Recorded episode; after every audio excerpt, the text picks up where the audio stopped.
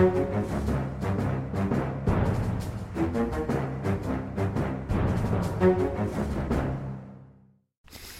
til eh, Aftenpodden. Jeg er politisk journalist Lars Glomnes. Med meg har jeg politisk redaktør Trine Eilertsen. God dag, god dag. God dag. Og så har vi med oss kulturredaktør Sara Sørheim. Hallo. Hallo. det vi skal snakke om nå Vi hadde valget mellom litt eh, Donald Trump og litt kulturrelativisme og litt andre ting. Eh, og så falt vi ned på at vi starter med grønn skattekommisjon. Og for noen så ville det framstå som at vi gjør det fordi det er det viktigste. Eh, men realiteten er at vi gjør det fordi Trine Eilertsen syns dette er fantastisk interessant. Jeg vil gjerne legge til for våre kjære lyttere at jeg lenge var motstander av å starte med dette temaet i ukas podkast, fordi jeg sleit litt med å finne motivasjonen rett og slett til å snakke om dette. Men på bakrommet så har du Trine, du har overbevist meg om at dette er så spennende at vi, det er ukas mest spennende tema. Mm. Og nå må du gjøre det samme for, eh, for alle dere der ute. Rett og slett, jeg kan dra eh, et uh, kjapt uh, riss. uh, Ja. For det er jo altså da eh, et utvalg som ble satt ned av regjeringen for et eh, drøyt år siden. eh, som har sett på eh, hvordan det grønne skatteskiftet kan foregå. Altså innføre høyere avgifter på miljøfiendtlig aktivitet og gjøre det billigere å være miljøvennlig. Eh, de har jo da eh, lagt fram forslag som flytter på en sånn 25-30 milliarder. Og de har fått kjeft av absolutt alle.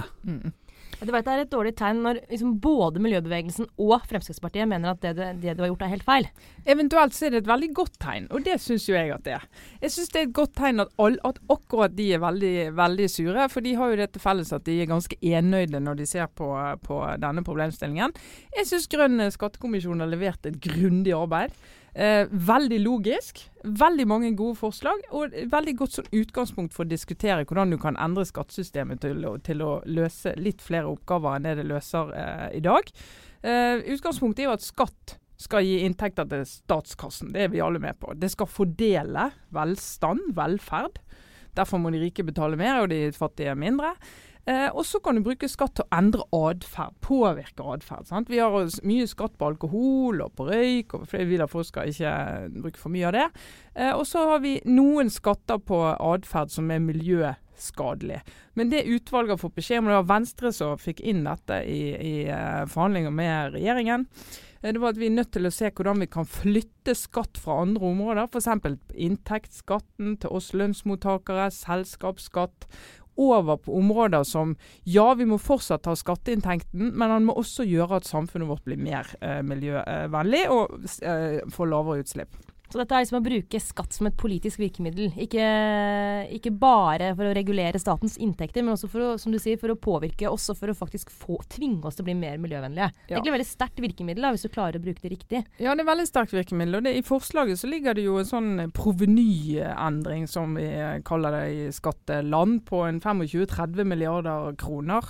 Eh, og det er jo ca. halvparten av det det vil koste å senke selskapsskatten fra 27 til 22 Uh, og det er jo litt av tanken her, at du skal flytte skatt fra områder der du ser at det har en verdi å senke skatten.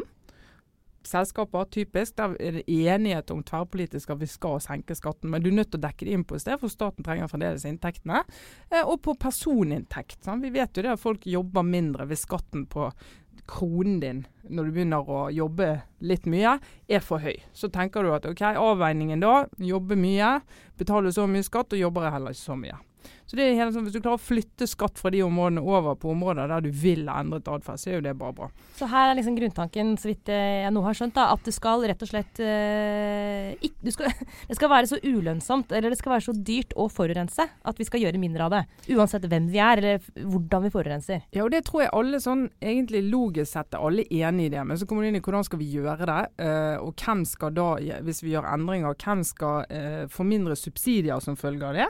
I forslaget ligger det at elbileiere skal få mindre subsidier, bønder skal få mindre subsidier, for de skal ikke produsere like mye rødt kjøtt. Eller de kan godt gjøre det, eh, men da skal vi forbrukere i hvert fall betale noen hundre kroner kiloet for det kjøttet, som signaliserer at det er mindre miljøvennlig enn å spise sau. Og så skal man uh, kutte hele taxfree-ordningen, Kutte taxfree-ordningen, ja. eh, tillatelsen til å innføre alkohol og tobakk. Og så skal man hente, ifølge utvalget, mellom 12 og 17 milliarder i bilavgifter. Og det har jo Fremskrittspartiet sagt at eh, Det skjer ikke mens vi sitter i regjering. Ja, jeg tror, ikke, jeg tror ikke Fremskrittspartiet engang trenger å lese kommisjonens rapport for å si at det kommer ikke til å skje. Og det er klart, Her snakker vi køprising, vi snakker eh, en sånn veibruksavgift, vi snakker eh, ulykkesavgift. Altså alle skal betale for, eh, for det de måtte gjøre av skader eh, som følge av ulykker. Eh, og så er jo hele prinsippet her jo at du skal betale for bruk av bil, og ikke for kjøp av bil. Som en sånn hovedgreie. Og Det er jo en stor endring fra i dag. Alle avgiftsendringer der du har grupper som opplever at de isolert sett må betale mer, selv om de på andre områder betaler mindre, så blir det bråk. Hvis du Lars, får beskjed om at du må betale mer for å kjøre bil, men du får mindre inntektsskatt, så hører du kun det første. Men det er jo interessant at de har klart, en kommisjon har klart å irritere på seg absolutt alle grupper jeg, som jeg kommer på i farta. Det er sånn, Unntatt venstrepolitikere. Ja, og det er jo en relativt liten, liten gruppe. Eh, men eh, bøndene vil jo ikke ha det. De blir jo rammet av dette. Eh, alle som reiser til Syden og kjøper taxfree-kvote er mot det. Alle som kjøper bil er mot det. Altså, I det hele tatt, det er rett og slett en meget, høres det ut som, jeg er enig med deg Trine, klok tanke som helt umulig å se for seg at noensinne skal kunne ende et annet sted enn i skrivebordsskuffen. Mm. Og det er her eh, min interesse etter hvert ble vekket litt motvillig. Fordi jeg skjønte etter hvert at dette er jo ikke noe som kan bli lagt bort hvis regjeringen skal overleve. Er det sånn?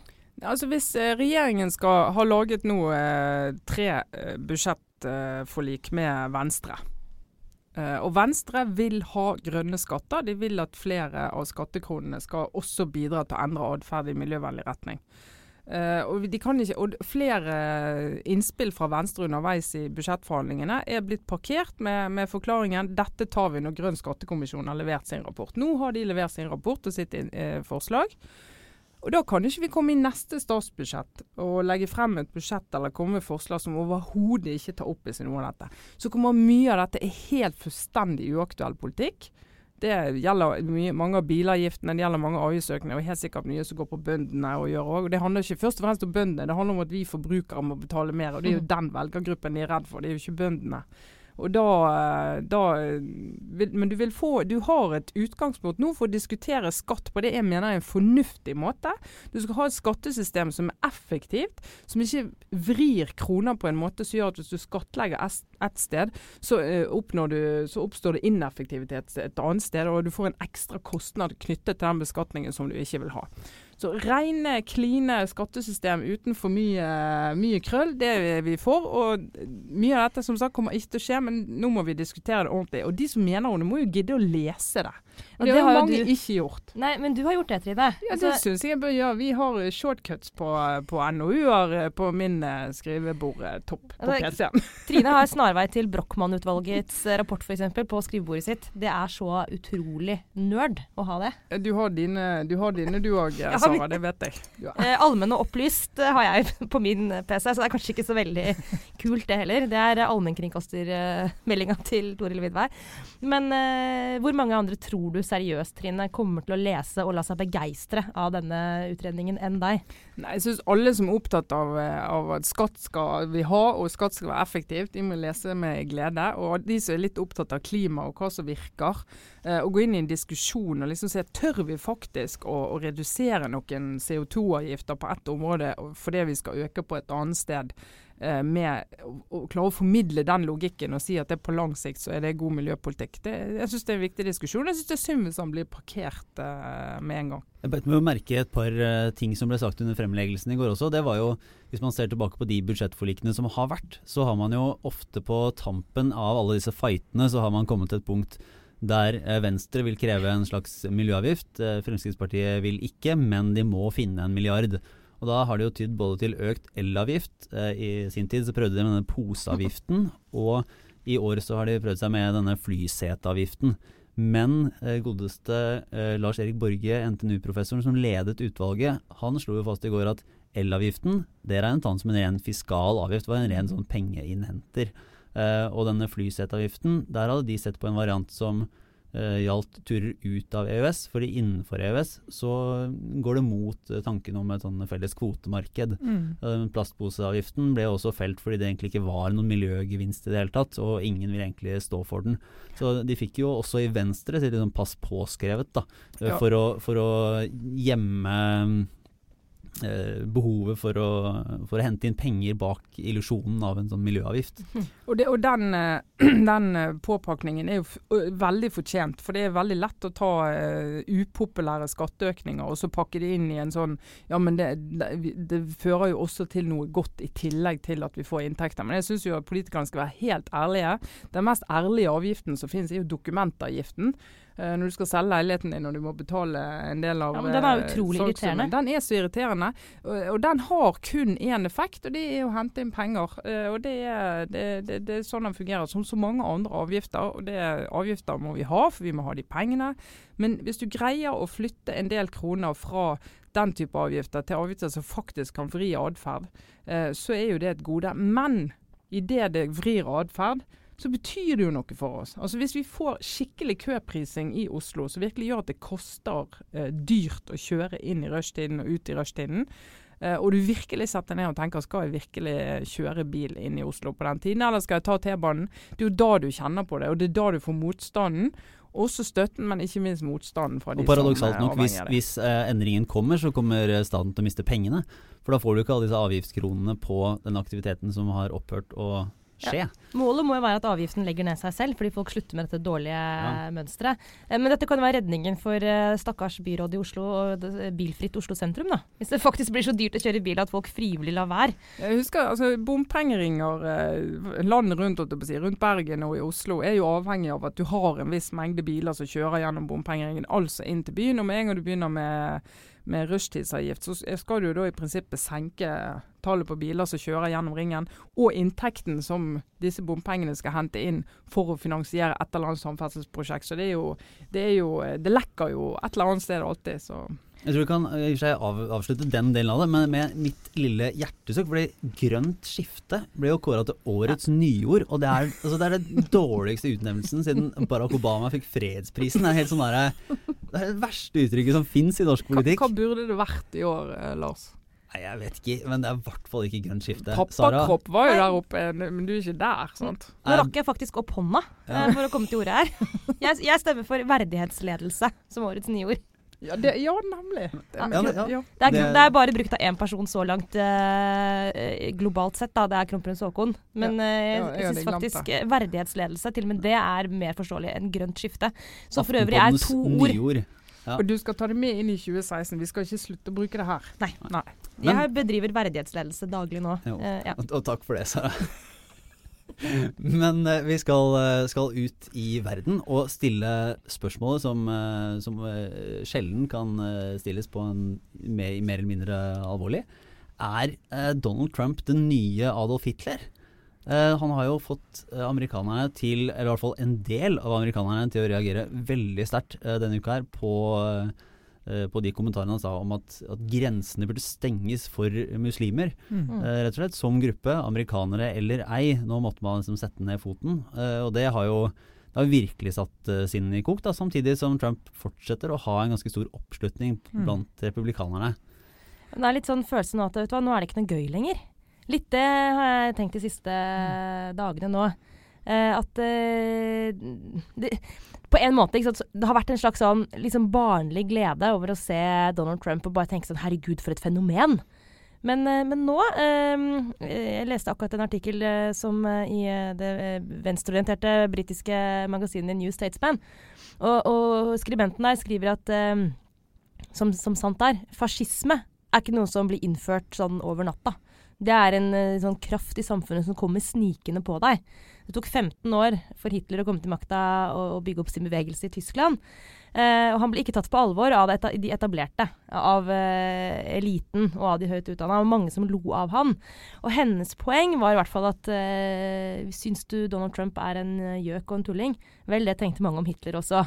Og for første gang på kanskje noensinne, egentlig, siden sosiale medier kom, så har jeg tenkt sånn hm, Kanskje hitlingen denne gangen ikke er helt uh, mm. out of order. Kanskje det faktisk er på sin plass. Da.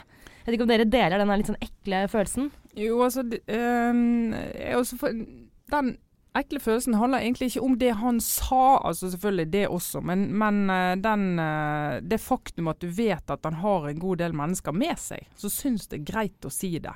Og Én ting er at det er i USA, de som står og hører på han på folkemøtet, jubler når han sier det. Eh, det noe, kunne jo vært en liten sekt, en liten gjeng. Eh, oppslutningen rundt han, eh, om han blir president eller ikke, er for så vidt eh, ikke diskusjon her, men oppslutningen rundt han er såpass stor også etter det, at det viser at dette er, det er klangbunn for den type, type uttalelser i USA. Og det er jo ikke bare i USA. Hvis vi virkelig tar, vi tar det tilbake til Europa, det å eh, snakke om grupper og muslimer som grupper, det er jo ganske legitimt eh, i europeisk debatt. Det er flere i Norge som gjør det. Vi har sett det i Polen, vi har sett det i Frankrike, eh, hvor de nettopp har uh, hatt første del av et regionvalg som har gitt Front National 30 mm. Og de kan gjøre det bra i siste omgangen også. og så er ikke Alt er ikke fascisme, men idet du sier at én gruppe skal behandles særskilt og miste privilegier, da er det jo det. Da er det jo det på grunnlag av at de har en tro, eller på grunnlag av at de har andre markører som gjør at de tilhører en gruppe. Og Det er eh, lett å, å, bagatellisere det, og, men det, det, det er faktisk tiden for å overhodet ikke gjøre det. Mm. Men hvordan er det man da skal Jeg tror vel eh, Det er vel ikke snakk om at, at uh, Donald Trump er en ny Hitler i den forstand at han har en fullstendig uh, politisk plattform som baserer seg på dette i det store og hele, eller er i et land der det ville vært så lett å gjennomføre en sånn uh, hitlersk maktovertagelse. men de strømningene som, som, kommer, hvor sterke er de, og hva er det som kan gjøres for å, for å stoppe det og bremse det? Bare, jeg synes Kjetil Raknes hadde noen gode poenger. Han har en eh, lengre tekst som er publisert på Aftenposten denne uka, hvor han eh, skriver om den tillitskrisen eh, mellom eh, politikerne og folket, som USA har vært prega av i, i, lang tid.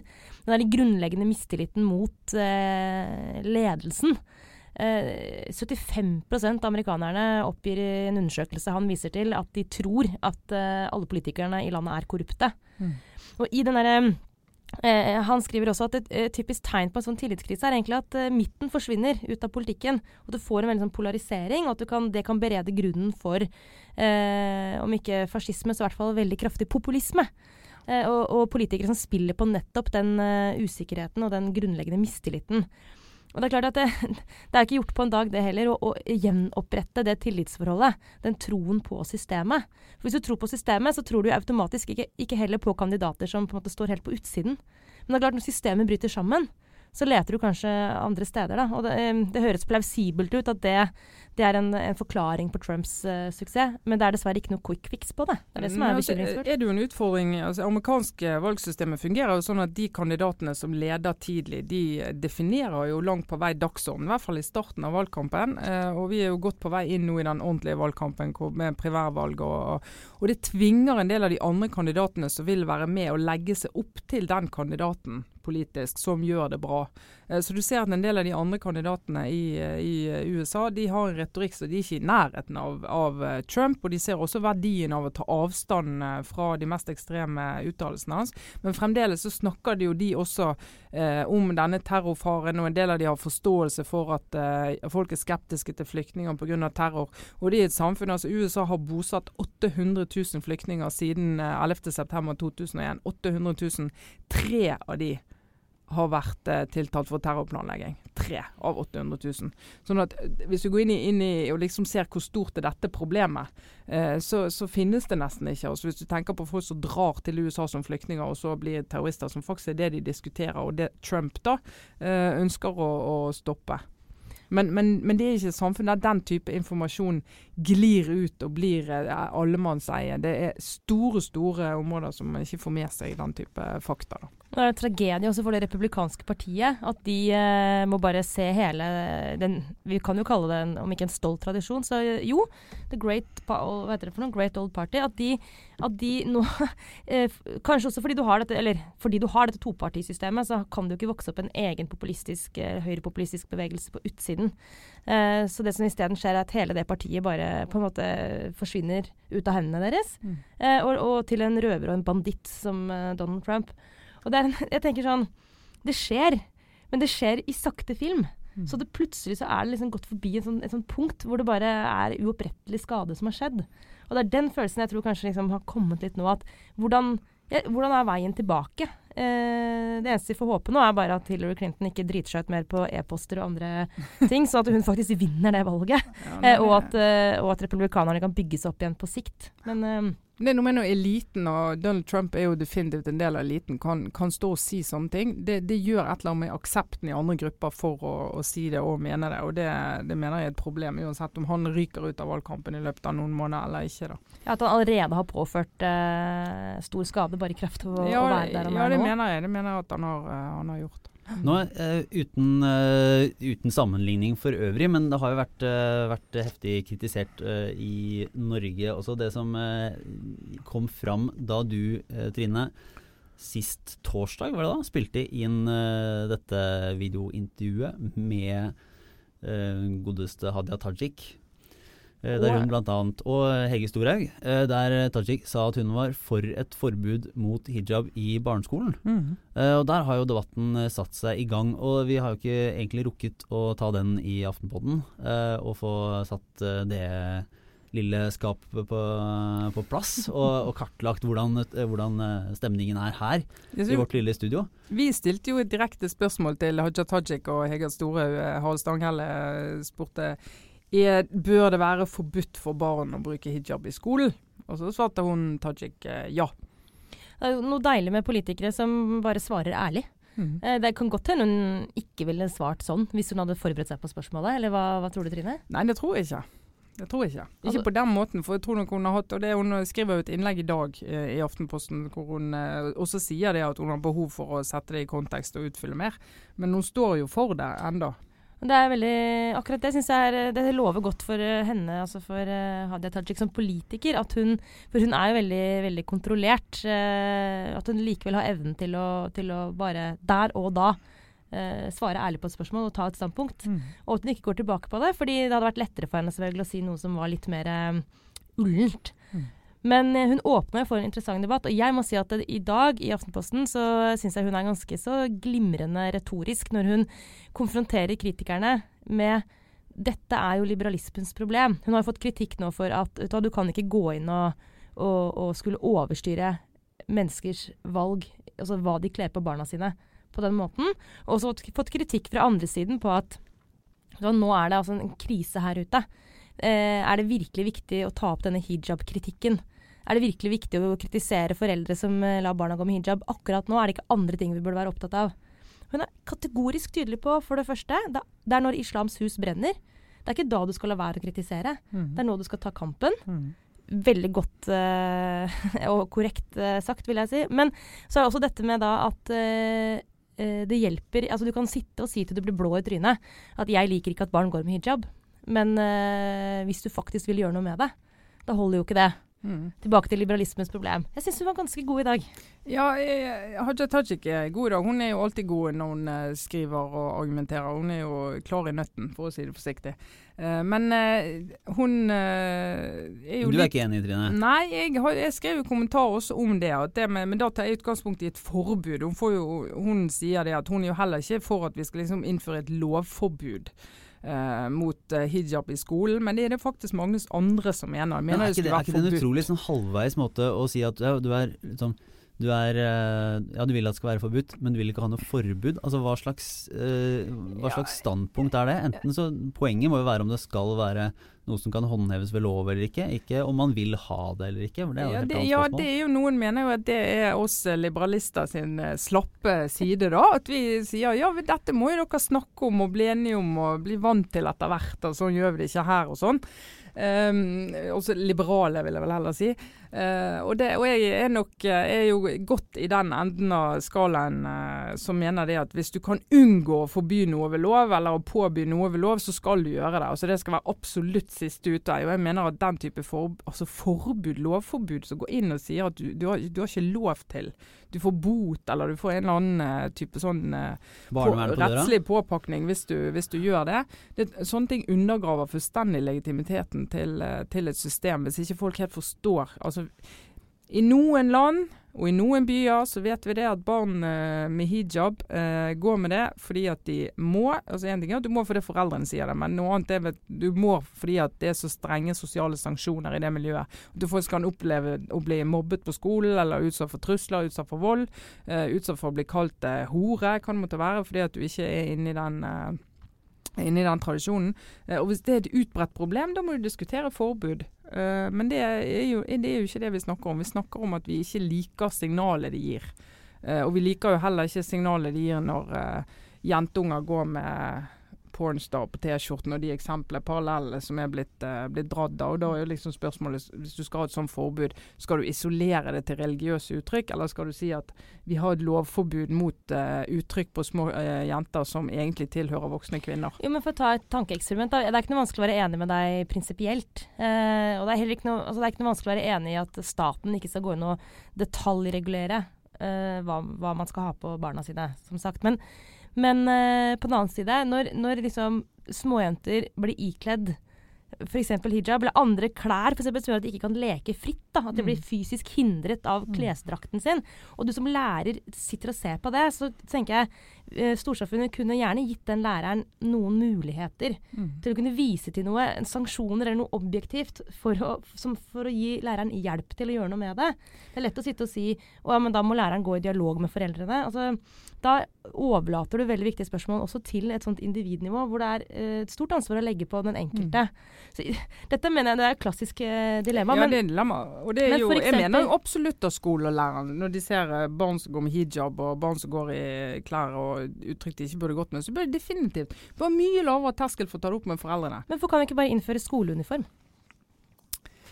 Ja, det kan du si, Sara. Det kan du si. Det, det var jo kampsaken til Senterpartiet i Oslo i, i høst. Den vant prisen for, for eh, valgkampens mest absurde absurde Nei, men tenk litt på det. Du, ja, dette, nå, dette, har, dette, tar jeg kun for min egen regning, ikke for, eh, mm. ikke vegne av verken Aftenposten eller noen andre, egentlig. Men, men ikke bare hadde jeg løst hele hijab-problematikken, men jeg må innrømme at i en periode av livet så har det ganske deilig å slippe å liksom, gå på skolen og lure på mm. om det du har på deg var liksom innafor eller utafor. Sånn et sykt regelverk som jeg overhodet ikke beherska. Så jeg merker at jeg, det er et eller annet sted inni meg. Det. det blir Senterpartiet neste valg.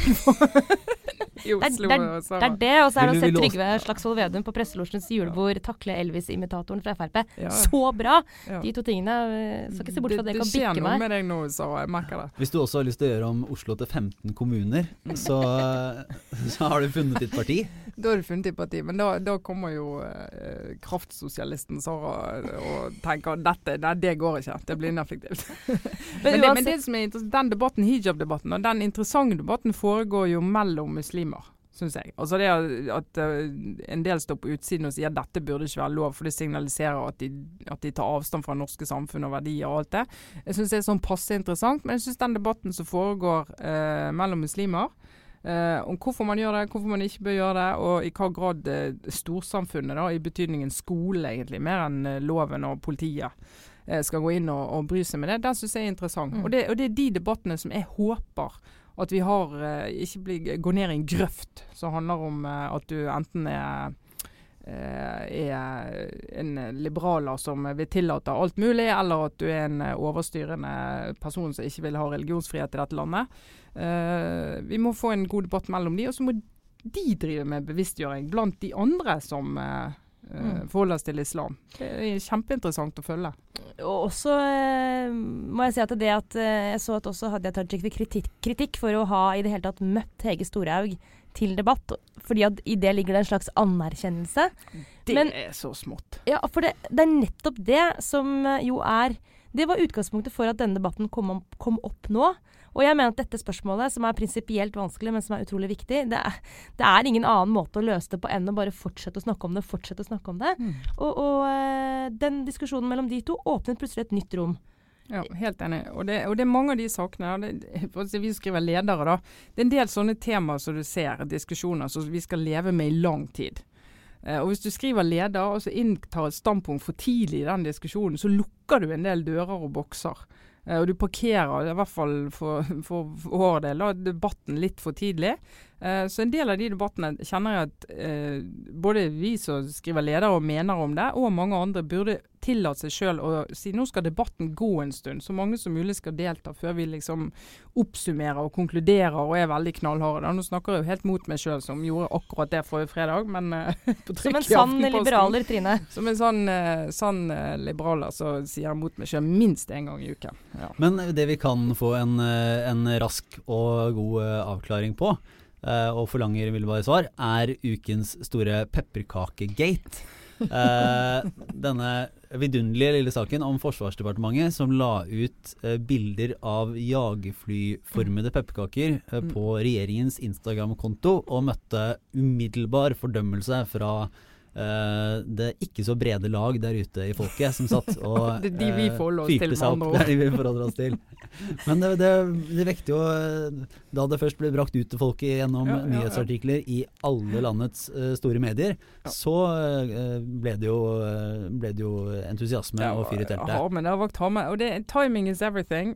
Hvis disse pepperkakene hadde kommet for ja, si et par år siden, da. Ikke, eh, si mellom Libya og Syria, Syria. Ikke under Libya, eh, det var vel ikke rundt jul, men heller ikke når vi akkurat har fått en forespørsel eh, fra USA om vi vil delta mer aktivt i, i krigen der, deriblant med fly.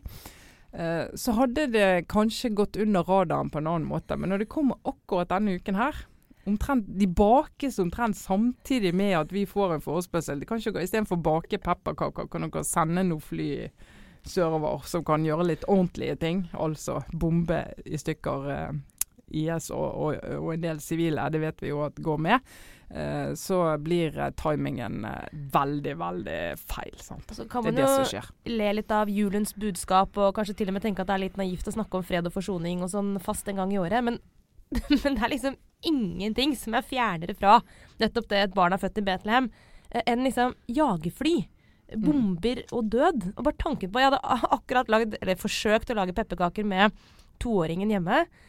Alle foreldre tror jeg nesten eh, kan skrive under på at vi prøver å gjøre det til en sånn hyggelig juletradisjon. Akkurat det med pepperkaker er så symbolsk. Lubne nisser og søte hjerter Det er så og bra. Jeg var hjemme og var litt sånn herre Ja, men herlighet, da. Kan ikke de få lov til å legge ut bilder av hva de vil? Det kan være pepperkaker. De er stolte av flya sine. Men Norge har bestemt seg for å kjøpe inn det her. En kjempeinvestering. Og det, Ja. vi skal nå ha jagerfly, så er det så farlig å lage kaker av det. Og vi fikk motbør på hjemmebane. Jo, det, ja. Uh, og eh, jeg tenkte at jeg kanskje kom til å få litt støtte her, men nei, ikke i nærheten. Nei, jeg, jeg merker at vi er inne i litt sånn der eh, PC, politisk korrekt eh, Ja. Altså, vi kan være imot uh, sinnelagsetikk, som vi vil her i Aftenpodden, men akkurat når du ser for deg den der klumpete, uformelige, ekstremt søte pepperkaketingen som det vakre barnet ditt har lagd, og som bare du som mor kan synes er pent, altså ikke barnet forhåpentligvis, men kaka, sett opp mot at en eller annen fyr i Justisdepartementet lager pepperkaker av jagerfly som skal sendes ut og drepe, i verste fall, liksom små barn på andre siden av verden. Vet du, da går, og da er sinnelagsetikken veldig nær for meg. Ta, takk for meg, liksom. Det går ikke Vi inviterer han inn. Uff, ja, eh, og for å gjøre julestemningen eh, komplett, eh, så blir det neste uke skal vi spille inn en julespesial. Mm. Eh, Så de som vil se den allerede neste onsdag, så eh, har vi publikum og samarbeid med podkasten Jæver og Joffen fra Overetasjen i VG på Kulturhuset på Youngstorget. Den blir nok ikke sendt før i juleuka, eh, Nei, dette tror jeg. blir det jo en julespesial, så vi venter litt. eh, vi kan jo tease med at eh, Hanne Skartvedt, politisk redaktør i VG, og jeg skal bl.a. ha en liten runde der vi snakker om de eh, lederne der vi, vi begge syns de andre har tatt eh, mest feil, altså der vi er mest uenige. Så vi, nå er det i hvert fall å ta av. Bare ta med seg popkorn. Og eh, komme på Kulturhuset neste onsdag. Klokken Eh, seks. klokken seks. Eh, og hvis ikke man kan være der, så kan man jo høre eh, sendingen da i jula en gang. Over en pepperkake formet som en tjukk liten nisse eller et jagerfly Eller et eller annet. Eh, med det så takker vi for oss for denne gang. Sara Sørheim, Trine Eilertsen og meg, Lars Klomnes. Ha det bra.